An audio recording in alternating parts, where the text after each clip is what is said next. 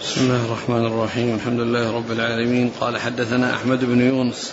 قال حدثنا إبراهيم بن سعد. قال حدثنا ابن شهاب عن أبي سلمة والأغر عن أبي هريرة رضي الله عنه أنه قال قال النبي صلى الله عليه وسلم إذا كان يوم الجمعة كان على كل باب من أبواب المسجد الملائكة يكتبون الأول فالأول فإذا جلس الإمام طووا الصحف وجاءوا يستمعون الذكر. اللي قبل هذا. قال حدثنا محمد قال حدثنا ابن أبي مريم قال أخبرنا الليث قال حدثنا ابن أبي جعفر عن محمد بن عبد الرحمن عن عروة بن الزبير عن عائشة رضي الله عنها زوج النبي صلى الله عليه وسلم أنها سمعت رسول الله صلى الله عليه وسلم يقول إن الملائكة تنزل في العنان وهو السحاب فتذكر الأمر قضي في السماء فتسترق الشياطين السمع فتستمعه فتوحيه إلى الكهان فيكذبون معها مئة كذبة من عند أنفسهم. بسم الله الرحمن الرحيم. الحمد لله رب العالمين. وصلى الله وسلم وبارك على عبده ورسوله نبينا محمد وعلى آله وأصحابه أجمعين. أما بعد فهذا هذه الأحاديث والأحاديث التي مرت بالأمس كلها تتعلق بذكر الملائكة والباب هو باب ذكر الملائكة. ومن المعلوم أن الإيمان بالملائكة هو من الإيمان بالغيب. الذي يوقف عنده يوقف فيه عند النصوص. فلا يثبت شيء ولا يضاف ينسب إلى الملائكة شيء إلا وقد جاءت به النصوص لأنه من علم الغيب. وكما ذكرت من قبل أركان الإيمان ستة أن تؤمن بالله وملائكته وكتبه ورسله واليوم الآخر والقدر خيره وشره. وكل هذه الأمور الستة هي من الإيمان بالغيب. كلها من الإيمان بالغيب الذي يلتزم فيه أو يقتصر فيه على ما جاء به الخبر أو ما جاء به البيان في كتاب الله وسنة رسوله صلى الله عليه وسلم. والملائكة آه، آه، جاءت الآيات الكثيرة والأحاديث العديدة في ذكرهم فلا يضاف إليهم شيء ولا يثبت لهم شيء إلا إذا كان جاء في كتاب الله وسنة رسوله صلى الله عليه وسلم لأن الكلام في ذلك من غير الوحي كتابا وسنة هو كلام بغير بغير علم لأن العلم فيهم لا يؤخذ إلا عن طريق الكتاب والسنة. ومر يعني بعض الأحاديث في ذكر الملائكة ومنها هذا الحديث الذي هو عن عائشة رضي الله عنها أن النبي صلى الله عليه وسلم قال إذا قال إذا إن الملائكة تنزل في العنان وهو السحاب فتذكر الأمر قضي في السماء. أن أن الملائكة أن الملائكة تنزل تنزل في العنان. في العنان. والعنان هو السحاب. فتذكر الشيء الذي قضي به الأمر. فيسترق يعني بعض الشياطين من الجن السمع فيلقونه على الكاهن أو على أخيهم الكاهن من الإنس. فيزيد معه أو يكذب معه مئة كذبة فيكذب معه مئة كذبة. الحاصل يعني أن فيه ذكر الملائكة وأنها تنزل وأنه يعني تذكر الوحي الذي أو الأمر الذي قضاه الله عز وجل وأن الشياطين تسترق يعني ذلك وتنزل به إلى إخوانهم من من من الكهان. والمقصود به ذكر الملائكة آه، في هذا الحديث وفي غيره من الأحاديث.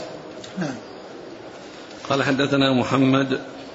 محمد آه، هو البخاري لأن رواية بذر يعني فيها أن أن أن محمد المقصود هو البخاري وفوقه ستة أشخاص ثلاثة ثلاثة مصريون وثلاثة مدنيون. وذكر الحافظ بن حجر أن رواية بذر فيها محمد وأنه البخاري وأن الذين استخرجوا عليه لم يجدوا آه، طريقا غير طريق البخاري. يعني ضاق المخرج عليهم فأخرجوه من طريق البخاري. وعلى هذا فإن الحافظ بن حجر قال إنه أرجح أنه هو البخاري. وقال وقد قيل إنه محمد الذهلي قد قيل إنه محمد الذهلي ولكن قال الراجح هو هذا. لأن الذين استخرجوا على البخاري يعني ضاق عليهم المخرج فلم يجدوا فلم يذكروه إلا من طريقه. فلم يذكروه إلا من طريقه. والأصل أن الاستخراج يعني يكون الالتقاء فيه مع شيخه أو من فوق شيخه ولكن إذا ضاق المخرج فإنهم يأخذونه من طريقه. نعم. ابن أبي مريم. وسعيد بن أبي مريم.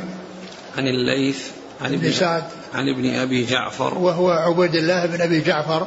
عن محمد بن عبد الرحمن. وهؤلاء الثلاثة مصريون ومحمد بن عبد الرحمن بن نوفل يتيم عروة. عن؟ عروة بن الزبير. عن عروة بن الزبير عن عائشة. وهؤلاء مدنيون. أعلاه ثلاثة مدنيون وأسفله ثلاثة مصريون. قال حدثنا أحمد بن يونس قال حدثنا إبراهيم بن سعد قال حدثنا ابن شهاب عن أبي سلمة والأغر عن أبي هريرة رضي الله عنه أنه قال قال النبي صلى الله عليه وآله وسلم إذا كان يوم الجمعة كان على كل باب من أبواب المسجد الملائكة يكتبون الأول فالأول فإذا جلس الإمام طووا الصحف وجاءوا يستمعون الذكر. ثم ذكر هذا الحديث الملائكة الذين يكونون يوم الجمعة على أبواب المساجد وأنهم يكتبون الأول فالأول وأنه إذا جلس الإمام على المنبر وحصل الأذان فإنهم يجلسون يطوون ما معهم ويجلسون يستمعون الذكر ويجلسون يستمعون الذكر. ففيه ذكر الملائكة الذين يعني يقومون بكتابة آه، آه، الداخلين إلى المساجد يوم الجمعة الأول فالأول. وكل من تقدم له ميزة على غيره ولهذا جاء يعني من من من راح في الساعة الأولى فكأنما قرب بدنه من راح في الساعة الثانية فكأنما قرب بقرة. الحديث فهذا فيه أنهم يكتبون الأول فالأول ومعلوم أن الإنسان إذا بكر المسجد وبقي وهو في صلاة ما دام ينتظر الصلاة وهو في صلاة ما دام ينتظر الصلاة والملائكة تدعو له وتستغفر له. فال وفي هذا أن الملائكة يجلسون يعني يستمعون الذكر ويستمعون الخطبة و و و ولهذا فإن الأماكن مجالس الخير ومجالس الذكر تحضرها الملائكة بخلاف مجالس الخنا والفجور فإنها تحضرها الشياطين. وقد ثبت في صحيح مسلم عن النبي صلى الله عليه وسلم أنه قال أحب البقاع إلى الله أو أحب البلاد إلى الله مساجدها. وأبغضها إليه أسواقها. فإذا آه، كل مدينة وكل قرية آه، أحب شيء إلى الله عز وجل فيها المساجد لأنها محل الذكر والدعاء والصلاة.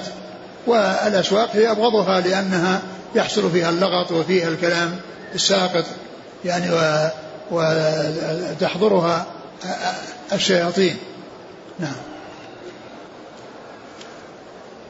قال حدثنا أحمد بن يونس أحمد بن يونس وأحمد بن عبد الله بن يونس وقد قال عنه الإمام أحمد شيخ الإسلام.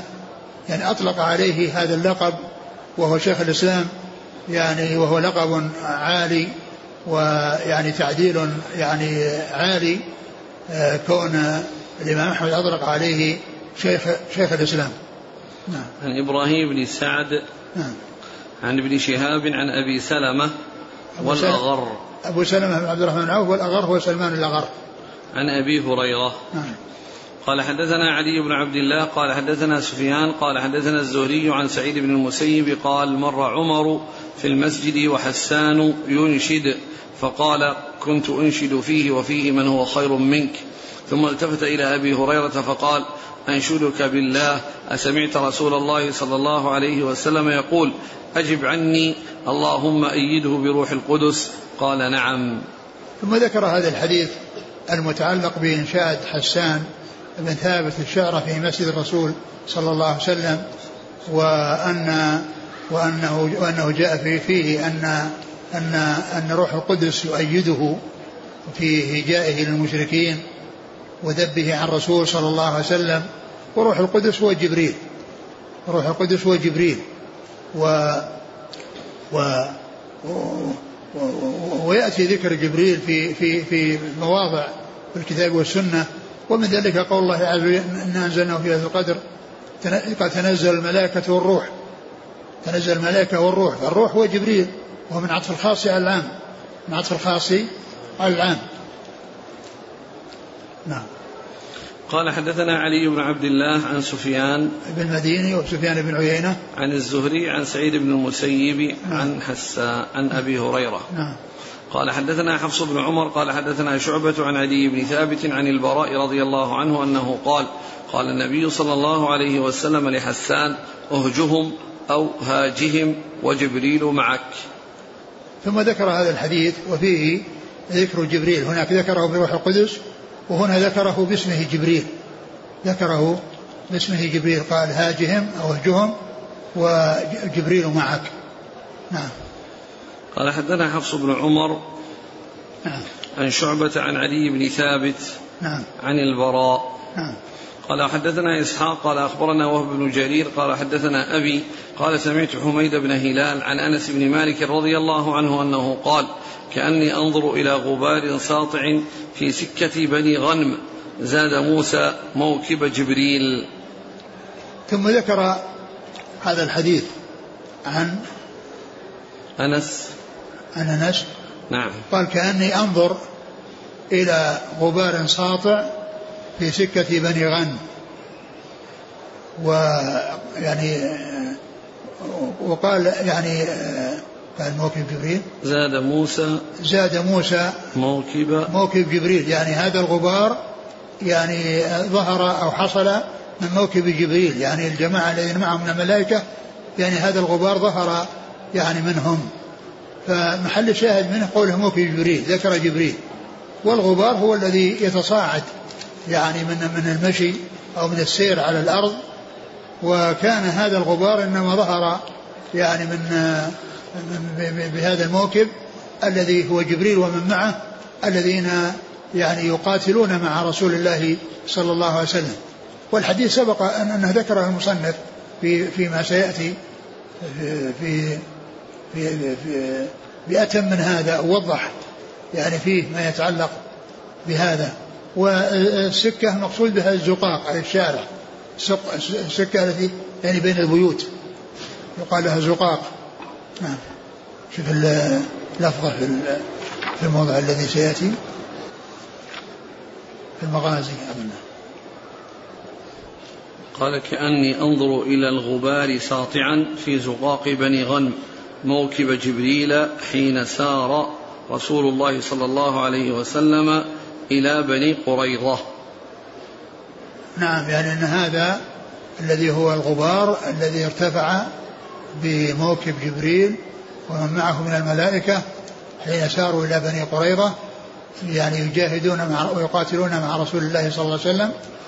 فيعني المقصود إن هذا غبار مرتفع يعني من من الزقاق يعني مرتفع فوق بسبب هذا الموكب الذي مر من الملائكة. نعم. قال حدثنا إسحاق. إسحاق بن راهوية. عن وهب بن جرير نعم. عن أبيه نعم. عن حميد بن هلال. جرير بن حازم.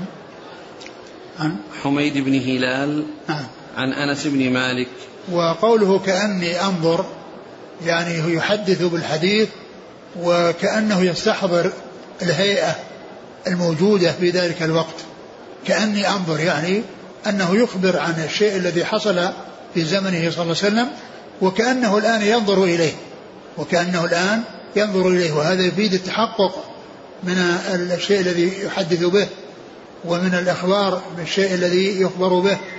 وقد جاء مثله في حديث عن النبي صلى الله عليه وسلم قال كأني أنظر إلى موسى إلى موسى يعني وهو يعني منحدر من الثنية كذا يعني يلبي يعني في كونه كأنه ينظر إليه في حجه يعني الذي حصل منه ومجيئه يلبي يخبر بأنه كأنه ينظر إليه وأنه يعني شيء يعني موجود مشاهد كأنه يستحضره الآن.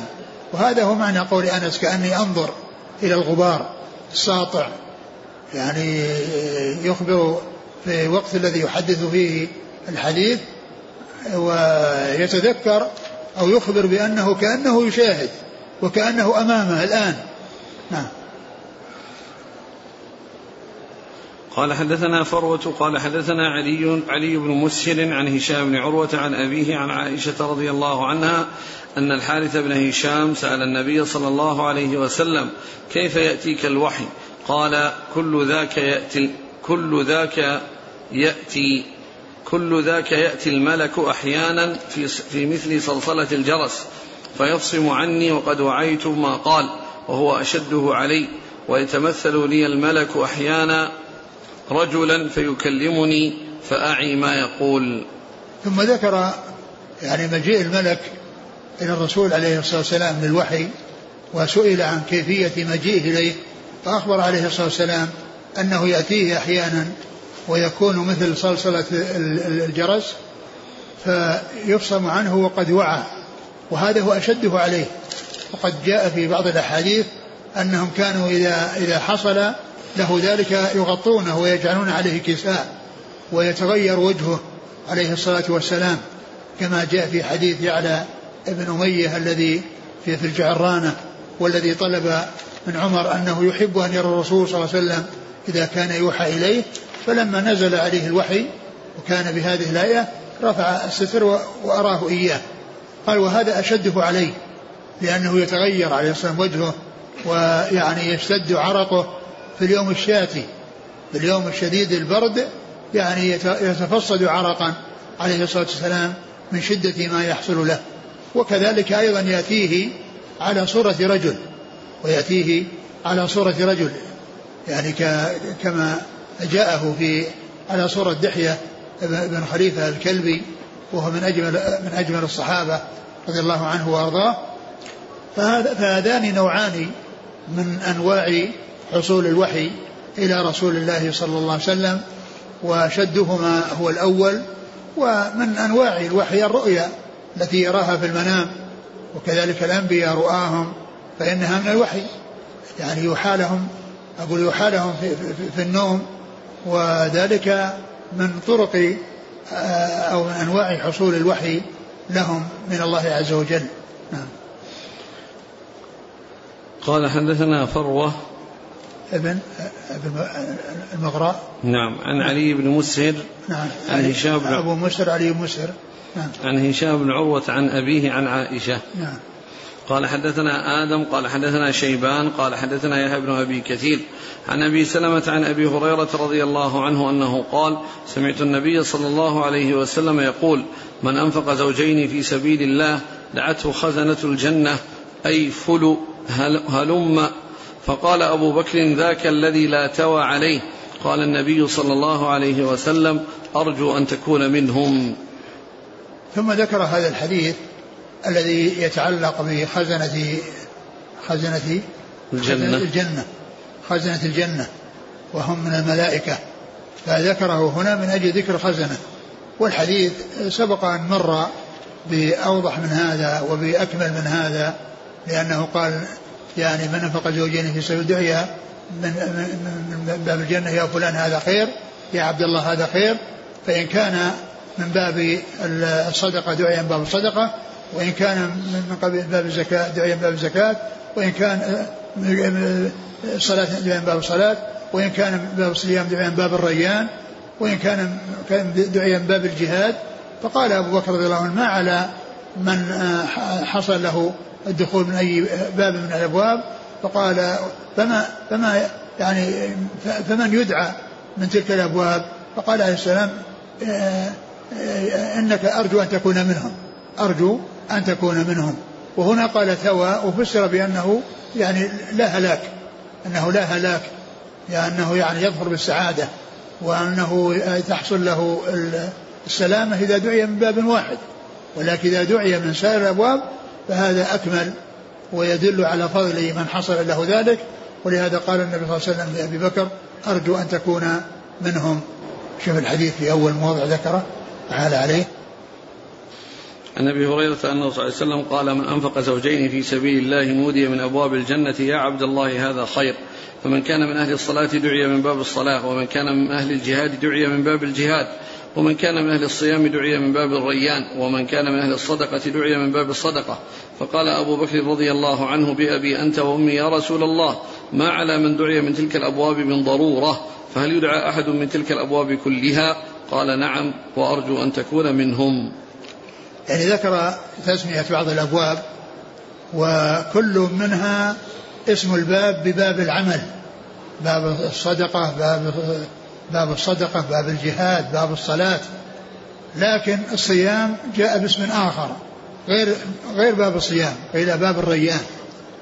والمقصود من ذلك أنه يعني يشعر بالري وأن من عطش نفسه لله في الصيام في الدنيا فإن الله يدخله من باب يقال له الريان يشعر بحصول الري ويعني حصول الشرب الذي يحصل به يحصل به الري يعني ولهذا آه، ولهذا قال باب الريان. والصيام من من الأعمال الخفية التي لا يطلع عليها إلا الله عز وجل بخلاف الصلاة فإنها تشاهد والجهاد يشاهد والصدقة تشاهد ولكن الصيام يعني شيء خفي. ولهذا جاء في الحديث كل من عمل ابن آدم له حسن بأمثالها إلى سمع ضيف إلى اذان كثير قال الله عز وجل إلا الصوم. فإنه لي وأنا اجزي به وذلك انه من الأمور الخفية التي لا يطلع عليها إلا هو سبحانه وتعالى. نعم. قال حدثنا آدم آدم بن أبي ياس. عن شيبان بن عبد الرحمن.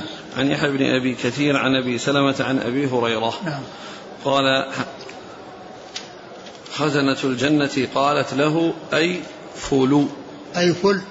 أي, أي, أي فل يعني فلان. يعني أي فل أي فلان. يعني مختصرة من فلان. أي فلان إيش؟ أي فلو هلم. هلم يعني فلو يعني يا فلان. هلم يعني تعال.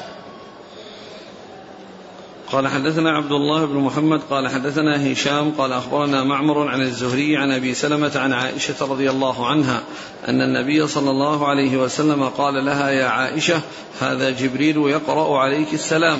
فقالت وعليه السلام ورحمة الله وبركاته. ترى ما لا أرى تريد النبي صلى الله عليه وسلم. ثم ذكر هذا الحديث عن عائشة رضي الله عنها وأن النبي صلى الله عليه وسلم قال هذا جبريل يقرأ لك السلام قالت عليه عليك وعليه السلام ورحمة الله وبركاته. وهذا من مناقب عائشة رضي الله عنها وأورده في المناقب هناك في مناقبها ولكنه أورده هنا من أجل ذكر جبريل لأن فيه ذكر الملائكة ففيه ذكر جبريل هنا من أجل ذكره وهناك أورده من أجل في مناقبها وهو أن جبريل يعني يسلم عليها.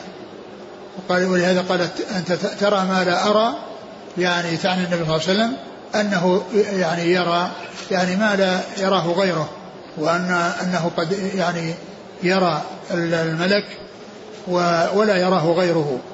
والملك على هيئته التي خلقه الله عليها اللي هو جبريل رآه مرتين مرة في فوق السماوات ومرة في الأرض وقد سد الأفق وله ستمائة جناح.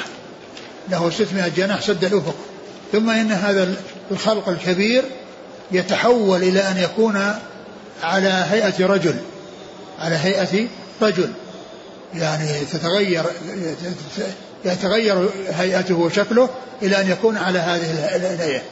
وليس معنى ذلك أنه يشكل ويصير الذي خلق لموجودا في مكان آخر فيكون موجودا مرتين مرة على هيئته ومرة على الشكل الذي وإنما يذهب الشكل الكبير ويتحول إلى هذا الشكل الذي هو على شكل الآدمي. نعم.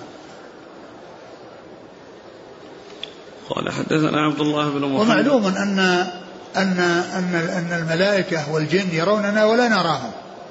يعني يكونون معنا ولا لا ندري عنهم ولكن يروننا. كما قال الله عز وجل عن الجن إنه يراكم هو قبيله من حيث لا ترونه. نعم. قال حدثنا عبد الله بن محمد. هو المسندي الجعفي. عن هشام. هشام بن يوسف. عن معمر. بن راشد الأزدي البصري. عن الزهري عن أبي سلمة عن عائشة. نعم. قال حدثنا أبو نعيم قال حدثنا عمر بن ذر حا قال وحدثني يحيى بن جعفر قال حدثنا وكيع عن عمر بن ذر عن أبيه عن سعيد بن جبير عن ابن عباس رضي الله عنهما أنه قال قال رسول الله صلى الله عليه وآله وسلم لجبريل ألا تزورنا أكثر مما تزورنا؟ قال فنزلت وما نتنزل إلا بأمر ربك له ما بين أيدينا وما خلفنا. ثم ذكر ثم ذكر هذا الحديث من أجل أن فيه ذكر جبريل. ذكر جبريل. قال لا تزورنا أكثر مما تزورنا؟ فأنزل الله ما نتنزل إلا بأمر ربك. يعني أن نزوله إنما هو بأمر الله وبإرسال الله عز وجل إياه إلى رسول الله. يعني يرسل يرسل الله الرسول الملكي إلى الرسول البشري. يبعث الله أو يرسل الله الرسول البشري الملكي الذي هو جبريل إلى الرسول البشري وهو نبينا محمد صلى الله عليه وسلم. وكل منهما وصف بأنه رسول. في سورة التكوير إنه لقول رسول كريم اللي هو جبريل وفي سورة الحاقة إنه لقول رسول كريم يعني محمد صلى الله عليه وسلم. والمقصود من ذلك أنه رسول مبلغ. يعني القول ليس قوله والقول قول المرسل ولكن الرسول مبلغ لما أرسل به. قول الرسول يعني قاله مبلغا مؤديا وأما الذي قاله مبتدئا هو الله. الابتداء هو من الله والتبليغ من رسول الله صلى الله عليه وسلم ومن جبريل. يعني قاله يعني مبلغا مؤديا. جبريل ومحمد عليه الصلاة والسلام قالاه يعني من التبليغ من القول التبليغ وليس الإنشاء وإنما هو من الله عز وجل يعني ظهوره وصدوره وبدوه هو من الله. وأما إضافته إلى جبريل وإلى محمد فإنما المقصود التبليغ ولهذا قال الرسول والرسول يبلغ ما أرسل به. نعم. قال حدثنا أبو نعيم الفضل بن دكين. عن عمر بن ذر. نعم. حا قال حدثني يحيى بن جعفر. من؟ عن يحيى بن جعفر. نعم نعم. عن وكيع. نعم وكيع بن الجراح. عن عمر بن ذر عن أبيه. نعم. عن سعيد بن جبير عن ابن عباس. نعم. قال حدثنا إسماعيل قال حدثني سليمان عن يونس عن ابن شهاب عن عبيد الله بن عبد الله بن عتبة بن مسعود عن ابن عباس رضي الله عنهما أن رسول الله صلى الله عليه وسلم قال أقرأني جبريل على حرف فلم أزل أستزيده حتى انتهى إلى سبعة أحرف. ثم ذكر هذا الحديث عن عباس عن النبي عليه الصلاة والسلام قال أقرأني جبريل على حرف فما زلت أستزيده حتى بلغ سبعة أحرف. والمقصود بالأحرف يعني اللغات المتعددة. وقد كان القرآن وقد كان العرب قبل قبل بعثة الرسول صلى الله عليه وسلم متناثرين متحاربين متباعدين. لا يعرف يعني لا ليس ما يحصل بينهم الاختلاط الذي يعني يعرفون فيه لغة كل بل يعني لا يعرف بعضهم لغة بعض. فنزل القرآن يعني على يعني سبعة أحرف يعني سبع لغات والمقصود ذلك بعض الكلمات وليس كل الكلمات ليس كل كلمات القرآن وإنما بعض الكلمات يعني تأتي بعدة لغات. و, و, و وعثمان رضي الله عنه هو الذي جمع الناس على حرف واحد. جمع الناس على حرف واحد وهو مستوعب للقراءات لأن القراءات غير الأحرف لأن القراءات لغات وأما الأحرف فهي ما يتعلق بالنقط والشكل و يعني آه ولهذا لما كتب المصحف يعني آه كتب مستوعبا للقراءات مستوعبا للقراءات بحيث يكون الرسم يستوعب هذا وهذا. مثل قال أو لو جئتكم بأهدى ما وجدتم عليه آباكم في قراءة. قال وفيه قل. ولكن عند الرسم ما جاء قال وبعدها ألف قاف ألف لأن هذه لا تحتمل إلا قال ما تحتمل قل. لكن يعني قل تحتمل قال وقل. فإذا كانت القراءة قال يعني فتحت القاف وجعل ألف صغيرة فوق القاف يعني معناه أنها قال. وإذا كانت القراءة قل صار في ضمة وسكون فصار الرسم مستوعب.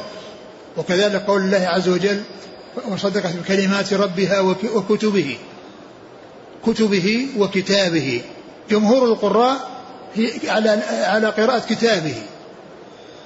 وعندما كتبت يعني صارت الكاف والتاء والباء والهاء متصلة. وعند قراءة كتبه تكون الكاف مضمومة والتاء مضمومة والباء مكسورة. وإذا كان كتابه يعني يصير فيه التاء فوقها ألف يعني تدل على على على القراءة الثانية التي هي قراءة الإفراد.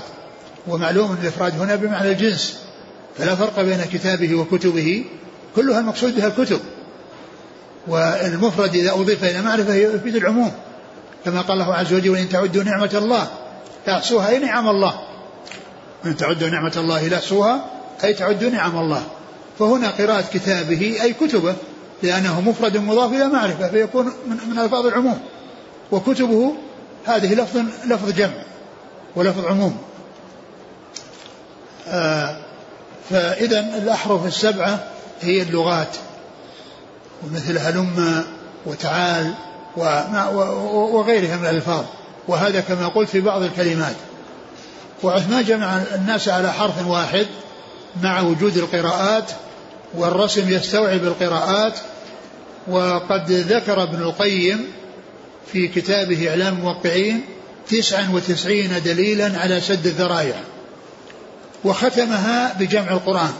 الدليل التاسع والتسعون هو جمع عثمان القرآن حيث جمع الناس على حرف واحد لا حتى لا يحصل اختلاف بينهم حتى لا يحصل الاختلاف بينهم لأن وجود الأحرف كان للتسهيل لما كان بعضهم ما يرتبط ببعض.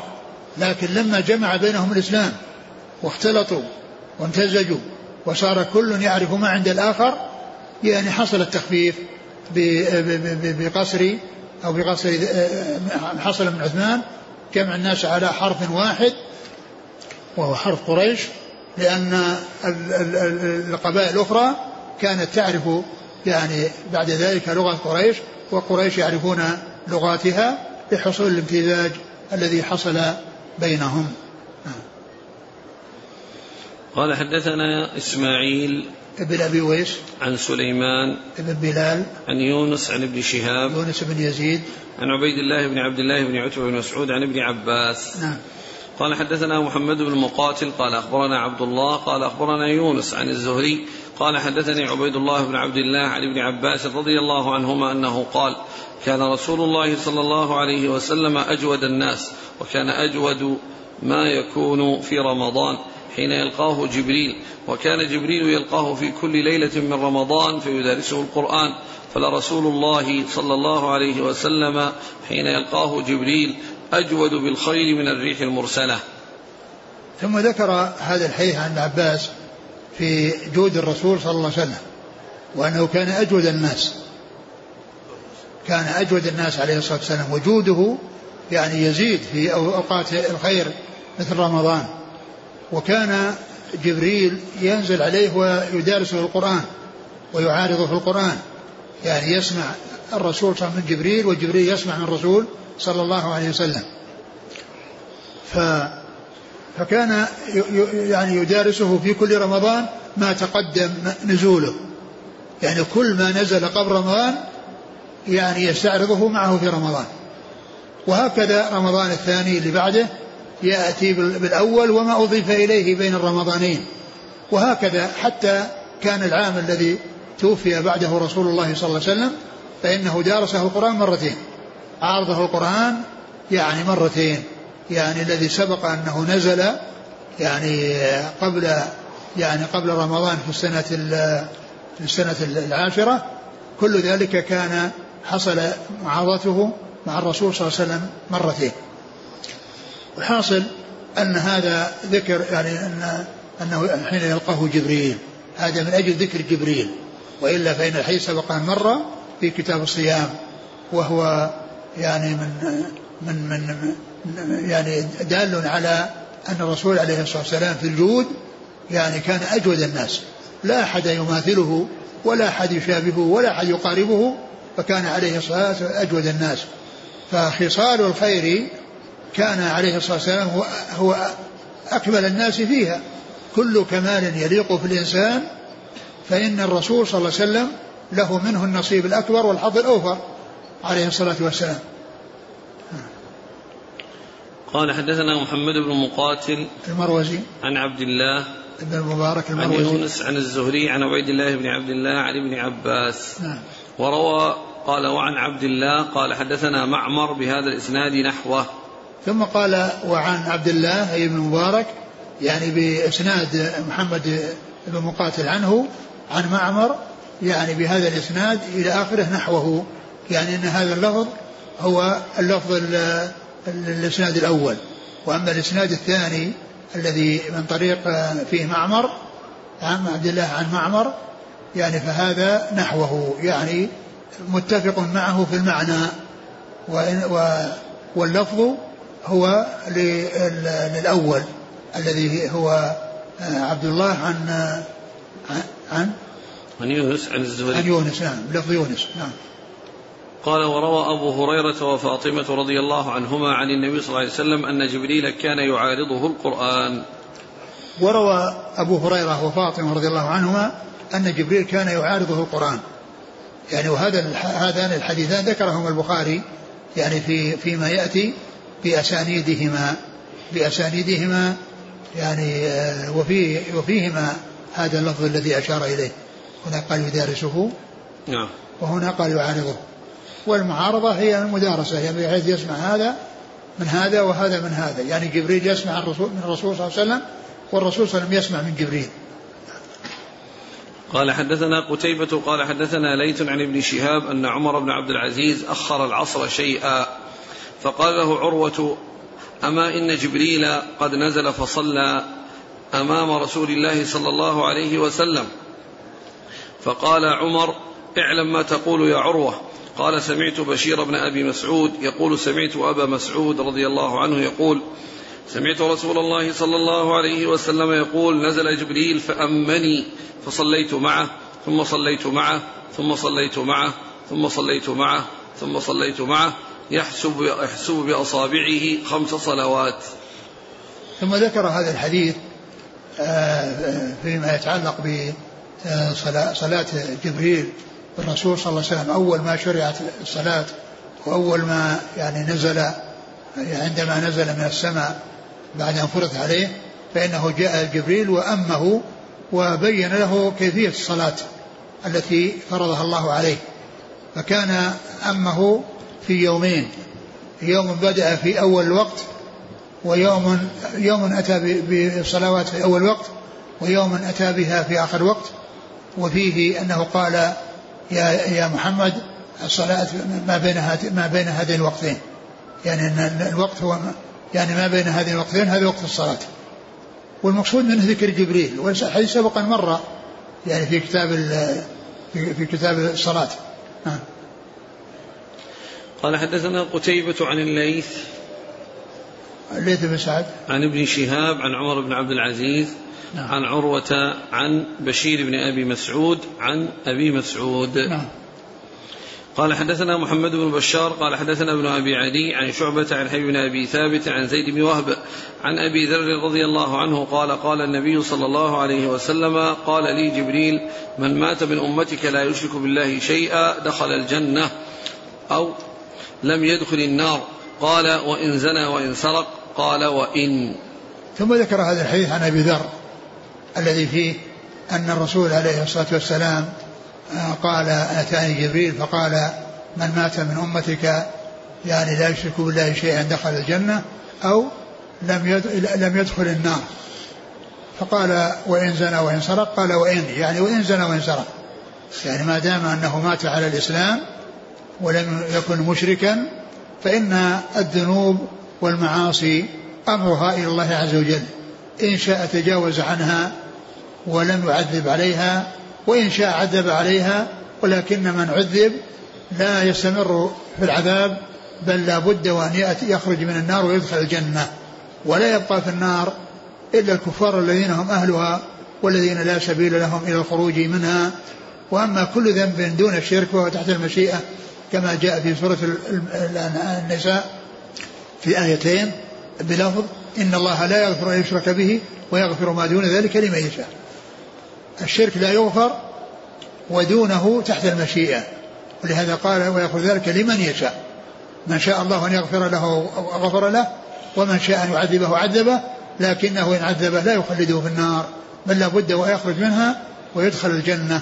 ولا يبقى في النار أبد الآباد إلا الكفار الذين هم أهلها ولا سبيل لهم إلى الخروج منها. والحديث أورده هنا من أجل ذكر جبريل أنه أتاني جبريل وقال كذا. نعم. قال حدثنا محمد بن بشار عن ابن أبي عدي محمد بن إسماعيل بن إبراهيم. محمد إبراهيم. عن شعبة عن حبيب بن أبي ثابت عن زيد بن وهب عن أبي ذر. نعم. قال حدثنا أبو اليمان قال أخبرنا شعيب قال حدثنا أبو الزناد عن الأعرج عن أبي هريرة رضي الله عنه أنه قال قال النبي صلى الله عليه وسلم الملائكة يتعاقبون ملائكة بالليل وملائكة بالنهار ويجتمعون في صلاة الفجر والعصر ثم يعرج إليه الذين باتوا فيكم فيسألهم وهو أعلم فيقول كيف تركتم؟ فيقولون تركناهم يصلون وأتيناهم يصلون.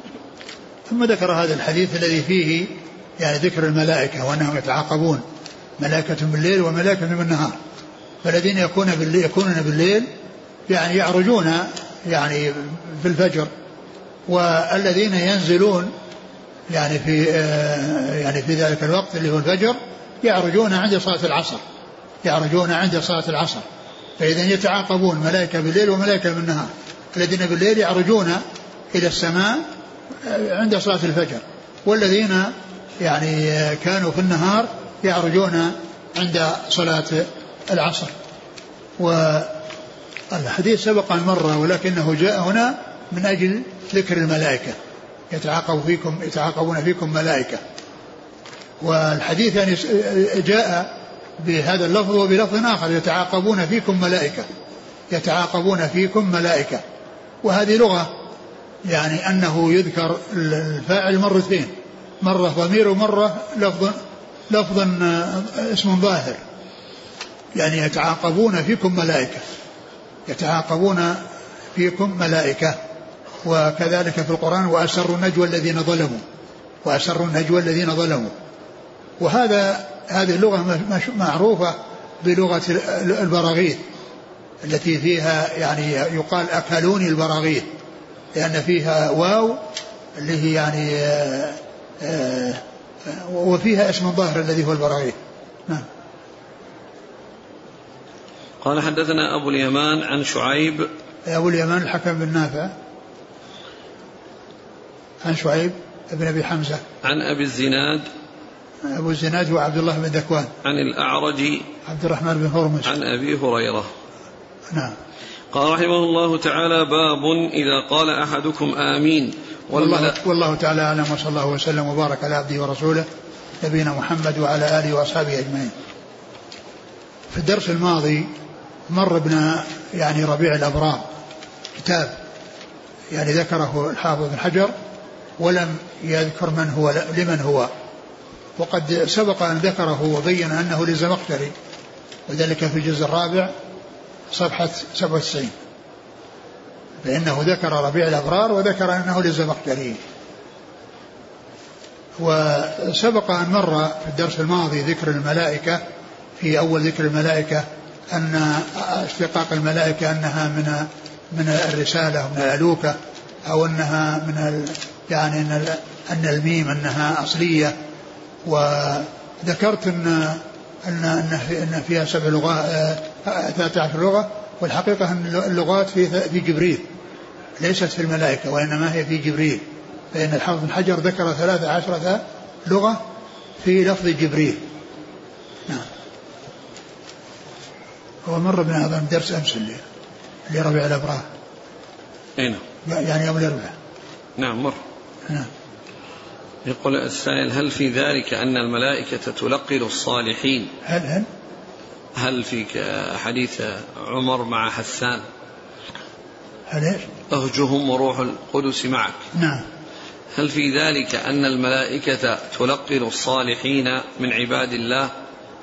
أم أنه خاص بحسان؟ الله تعالى أعلم. أما كونها حصل لحسان فهذا أمره واضح. وأما غيرهم فالله تعالى أعلم. لكن لا شك أن أن أن الملائكة أنها مع الأخيار والشياطين مع الأشرار. ولكن هل كل واحد يقال أن جبريل معه؟ إذا كان لكلامه طيب الله تعالى أعلم. يقول امرأة رأت في المنام أن سحرا وضع لها في مكان عرفته فتسأل ماذا تعمل؟ السحر إذا كان معروف مكانه فإنه يحرق. فإنه يحرق ويحصل السلامة منه بإذن الله. لكن يعني هل يكون هذا الخبر صحيحا أو غير صحيح؟ المهم أنها أن السحر إذا كان موجودا يعني مكانه الذي وضع فيه فإنه يحرق.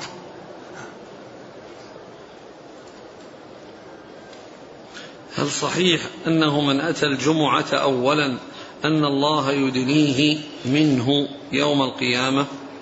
هذا يتوقف على النص وأنا لا أعرف نصا في هذا. الذي يأتي الكاهن ولم يصدق لا تقبل له صلاة أربعين يوما فإذا تاب هذا الذي أتى الكاهن في خلال هذه الأربعين هل تصح توبته؟ وتقبل منه الصلاة فيثاب عليها. الله تعالى أعلم. لكن يعني من من من من يعني شؤم يعني هذا العمل أن الصلاة التي صلاها أربعين هذه لا يحصل أجرها ولكن لا يقال أن عليه أن يعيدها. لكونها وإنما حصل له حرمان الأجر. حصل له أنه ما حصل له يعني أجرها. لكن يعني هل إذا معلوم أن من تاب تاب الله عليه من تاب تاب الله عليه و وهل يعني يعود له وإذا كان إذا تاب تاب الله عليه فمعنى ذلك أنه حصل أنه لا يفوته خير لكن ما نعلم نص أو شيء يدل على أنه يعني إذا تاب فإنه يرجع إليه ثواب ذلك لكن قد يفهم معنى التوبة وقول التوبة أنه يعني لا يحصل أنه لا يؤاخذ وأنه يسلم من المؤاخذة يعني في الشيء الذي حصل له وحصل منه. يقول أي الروايات التي جمع عثمان رضي الله عنه من هذه الروايات الموجودة بين أيدينا؟ يقصد القراءات رواية حفص ورش قالون. هذه هذه موجودة في المصاحف كلها. كل المصاحف إلا أن بعضها يعني يكون فيه زيادة واو أو زيادة كذا وأما الرسم فإنه يعني كان غير منقوط ما في نقط ولا في شكل ولهذا كان يستوعب يعني كان يستوعب القراءات يعني فيما يتعلق بنقض الشكل. ولكن في بعضها فيه زيادة حرف فيكون في بعض المصاحف فيكون في بعض المصاحف التي وزعها عثمان رضي الله عنه على البلدان. يقول هل لأحد أن يرى الملائكة بعد رسول الله صلى الله عليه وسلم؟ الله تعالى أعلم. ما الحكمة من تعدد صور نزول الوحي على النبي صلى الله عليه وسلم ولم يكن على صورة واحدة؟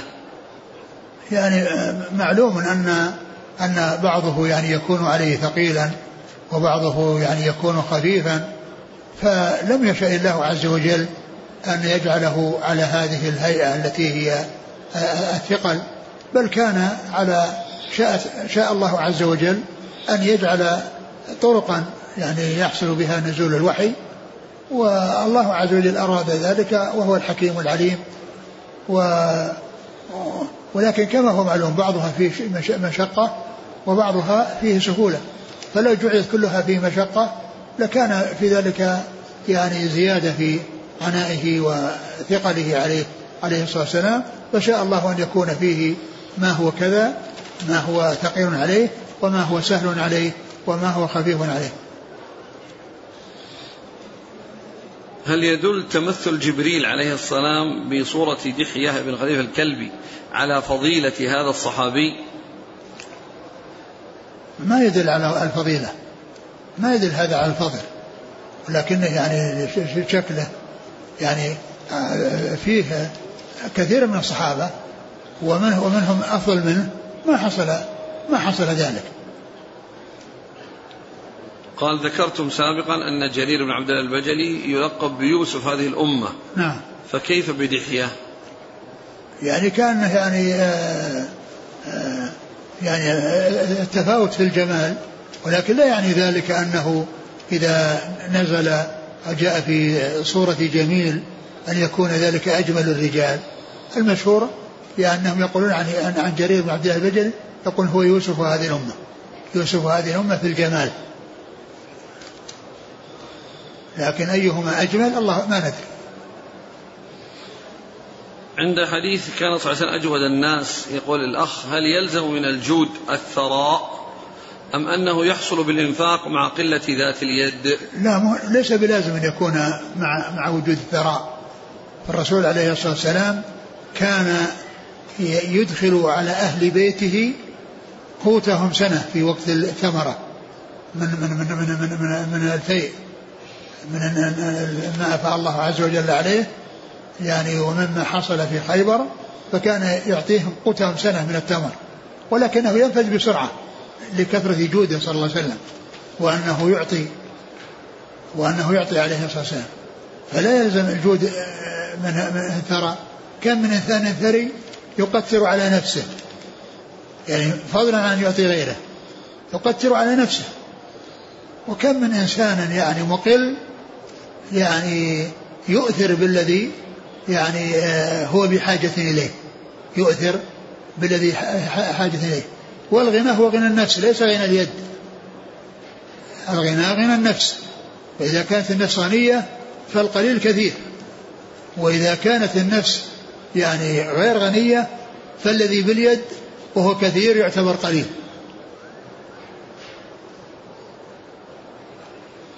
يقول هل في سلام جبريل على عائشة رضي الله عنها دليل على جواز السلام على المرأة الأجنبية؟ آه معلوم أن أن السلام على المرأة الأجنبية إذا كان يعني ليس هناك فتنة وليس هناك محذور يعني جائز لكن ما ما كل امرأة يعني يسلم عليها إنسان. إذا كان يمشي في الطريق ولاقى امرأة تمشي يسلم عليها يعني السلام يأتي معه كلام أحيانا. إذا كان هناك ريبة وهناك مثل ما قال ال ال أحمد شوقي يقول نظرة فابتسامة فسلام فكلام فموعد فلقاء. هذه المراحل التي يعني يبتدأ بها ثم تنتهي إلى أسوأ حال. نظرة فابتسامة فسلام. يعني فالإنسان يعني كون يسلم على كل امرأة أي امرأة يعني هذا يؤدي إلى إلى التحادث وإلى الكلام بعضهم مع بعض. ثم أيضا هذه المسألة التي معنا هو من سلام سلام ملك. ليست من سلام, سلام, سلام بشر على بشر. يقول من شاهد الكاهن في التلفاز وهو يعلم أنه كاهن فهل يلحقه الوعيد؟ والله إذا كان إذا كان قاصد أنه يعني ينظر إليه ويعرف الشيء الذي يقوله والشيء اللي هذا يعني قد لا يسلم من الوعيد وإنما مثل هؤلاء ينظر إليهم ابدا ويبتعد الإنسان عن عن مشاهدتهم والنظر إليهم ولا خير فيهم ولا في النظر إليهم. يقول المسجد من المساجد يؤخر صلاة الظهر إلى آخر وقتها في غير في غير حر الصيف. بل حتى في الشتاء. الصلوات الأفضل في أول وقتها. كل الصلوات التي ينو بها في أول وقتها هذا هو المطلوب. إلا أنها إلا أن العصر الظهر إذا اشتد الحر يبرد بها. يبرد بها قليلا ولكن لا يبرد بها إلى أن تكون عند العصر. هل يجوز مخاطبة الإنسي للجني أثناء قراءة الإنسان على من من التبس به الجني؟ هل إيش؟ يجوز مخاطبة الإنسي للجني أثناء القراءة على إنسان قد تلبس به الجان. نعم يجوز. أقول يجوز لكن يعني لا يعول على على الكلام معه وعلى يعني ما يقول. فإنه الناس الآن الإنس قدامهم ما يستطيعون يتخلصون منه. فكيف بالجن اللي ما يرونه؟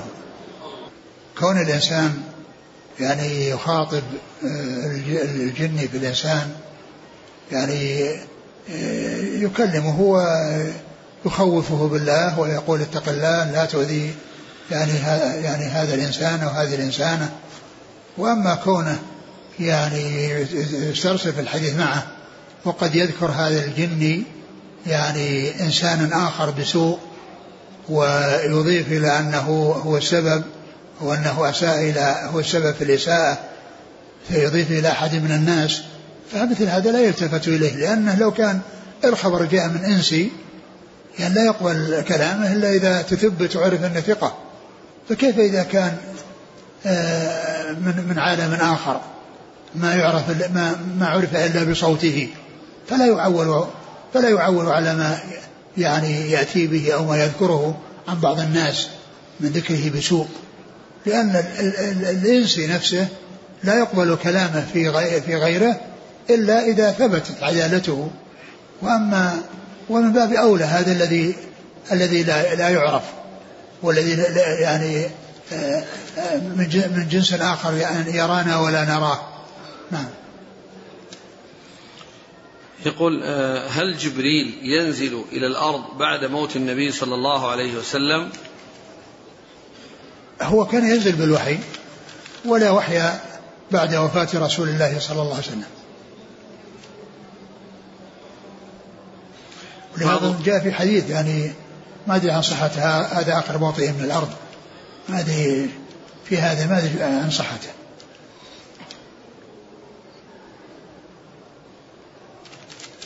يقول بعض طلبة العلم يقول أن من قال لا إله إلا الله ثم ترك العمل بما أوجبه الله تعالى عليه مع التمكن منه فمات فإنه تحت المشيئة ويدخل تحت أحاديث الشفاعة. هذا ليس بصحيح.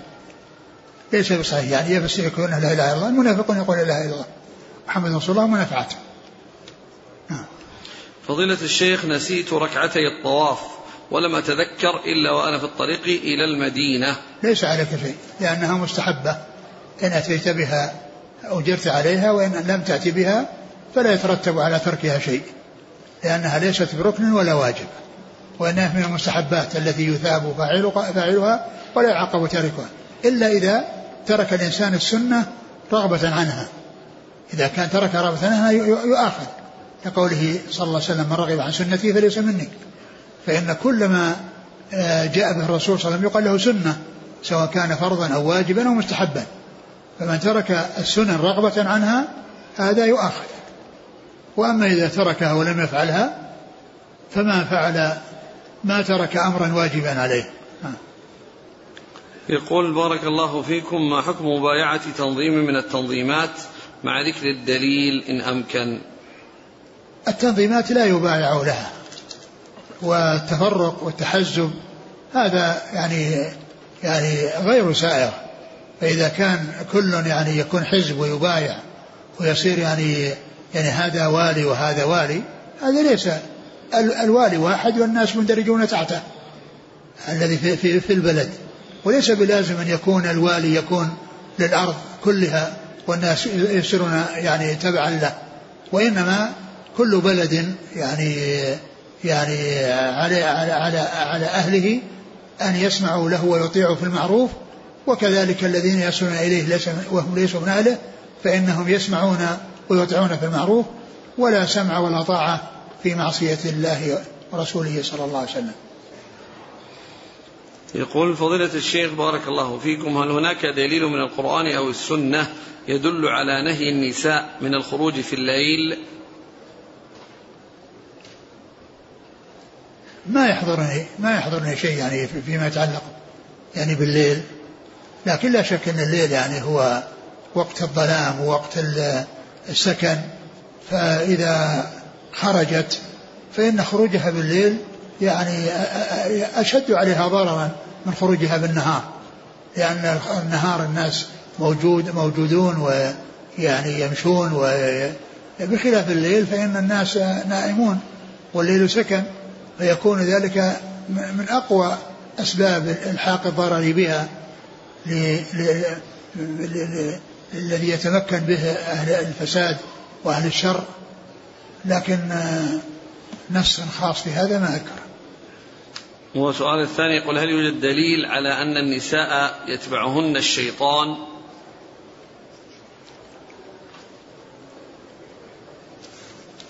آه لا أدري. لكن النساء يعني الشيطان هو هن من مصائد الشيطان. من مصائد الشيطان ومن التي يعني يكثر يعني الافتتان بهن بإغواء الشيطان. نعم. يقول هل يجوز الإحرام من الفندق؟ الاستعداد ما في بأس. يستعد ويغتسل ويتهيأ ويلبس إزارة ورداءه وإذا جاء الميقات ينوي ويلبي. يعني النية والتلبية من الميقات. وأما الاستعداد في الفندق وفي المنزل ما في بأس. وهل تجوز العمرة عن الميت؟ نعم تجوز.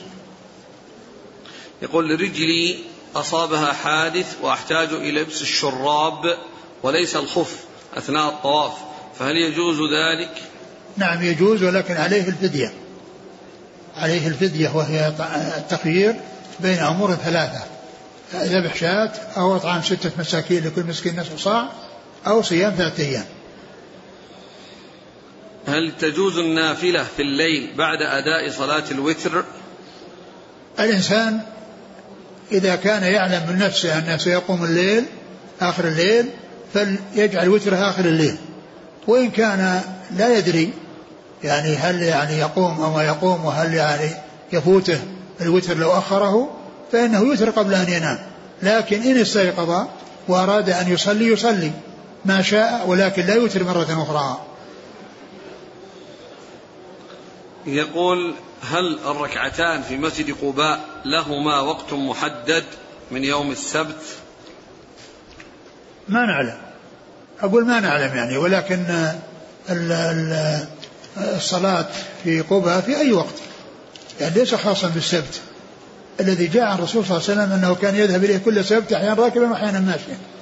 كل سبت. ولكن جاء عنه من تطهر في بيته ثم أتى مسجد قباء وصلى فيه صلاة كانت كأجر العمرة وهذا عام في جميع الأوقات. عام في جميع الأوقات. وأما الرسول عليه الصلاة والسلام فكان يفعله في الضحى. يعني يذهب إليه ضحى ويصلي في ركعتين. وبعض أهل العلم يقول المقصود بالسبت الأسبوع. لأنه يطلق على السبت على الأسبوع سبت ويطلق عليه جمعة ولهذا جاء في الحديث فما رأينا الشمس سبتا. يعني ما رأينا الشمس أسبوعا. القول بأن الإسلام اعترف بدين اليهود والنصارى. لذا فلا يجوز سب هذه الأديان. الأديان دين اليهود والنصارى في زمانهما الدين الشرع المنزل الكتاب المنزل على موسى حق والكتاب المنزل على عيسى حق. وأما ما بدل وعدل وغير فهذا ليس بحق. والتغيير والتبديل حصل في زمن الرسول صلى الله عليه وسلم. وجاء القرآن مبين أنهم كانوا يحرفون ويبدلون ويشترون به ثمنا قليلا. ف يعني في زمانهم حق لا شك. لكن بعد ذلك حصل التبديل والتحريف. وبعد بعثة النبي صلى الله عليه وسلم لا يمكن لأحد ولا يستفيد أحد من من قوله أنه يتبع موسى ولا عيسى. بل إما أن يتبع محمد صلى الله عليه وسلم وإلا ليس أمامه إلا النار كما قال عليه الصلاة والسلام والذي نفسي بيده لا يسمع بأحد من هذه الأمة يهودي ولا نصراني ثم لا يؤمن بالذي جئت به إلا كان من أصحاب النار. فبعد النبي, النبي صلى الله عليه وسلم ختمت الشرائع نسخت ما يبقى لها ما يبقى لها اعتبار. ولا يصلح أن يقول أحد أنه يتبع موسى وأنه يتبع عيسى بل بعد بعد بعثة وسلم ما فيه إلا اتباعه وإلا النار والعياذ بالله. هل تجوز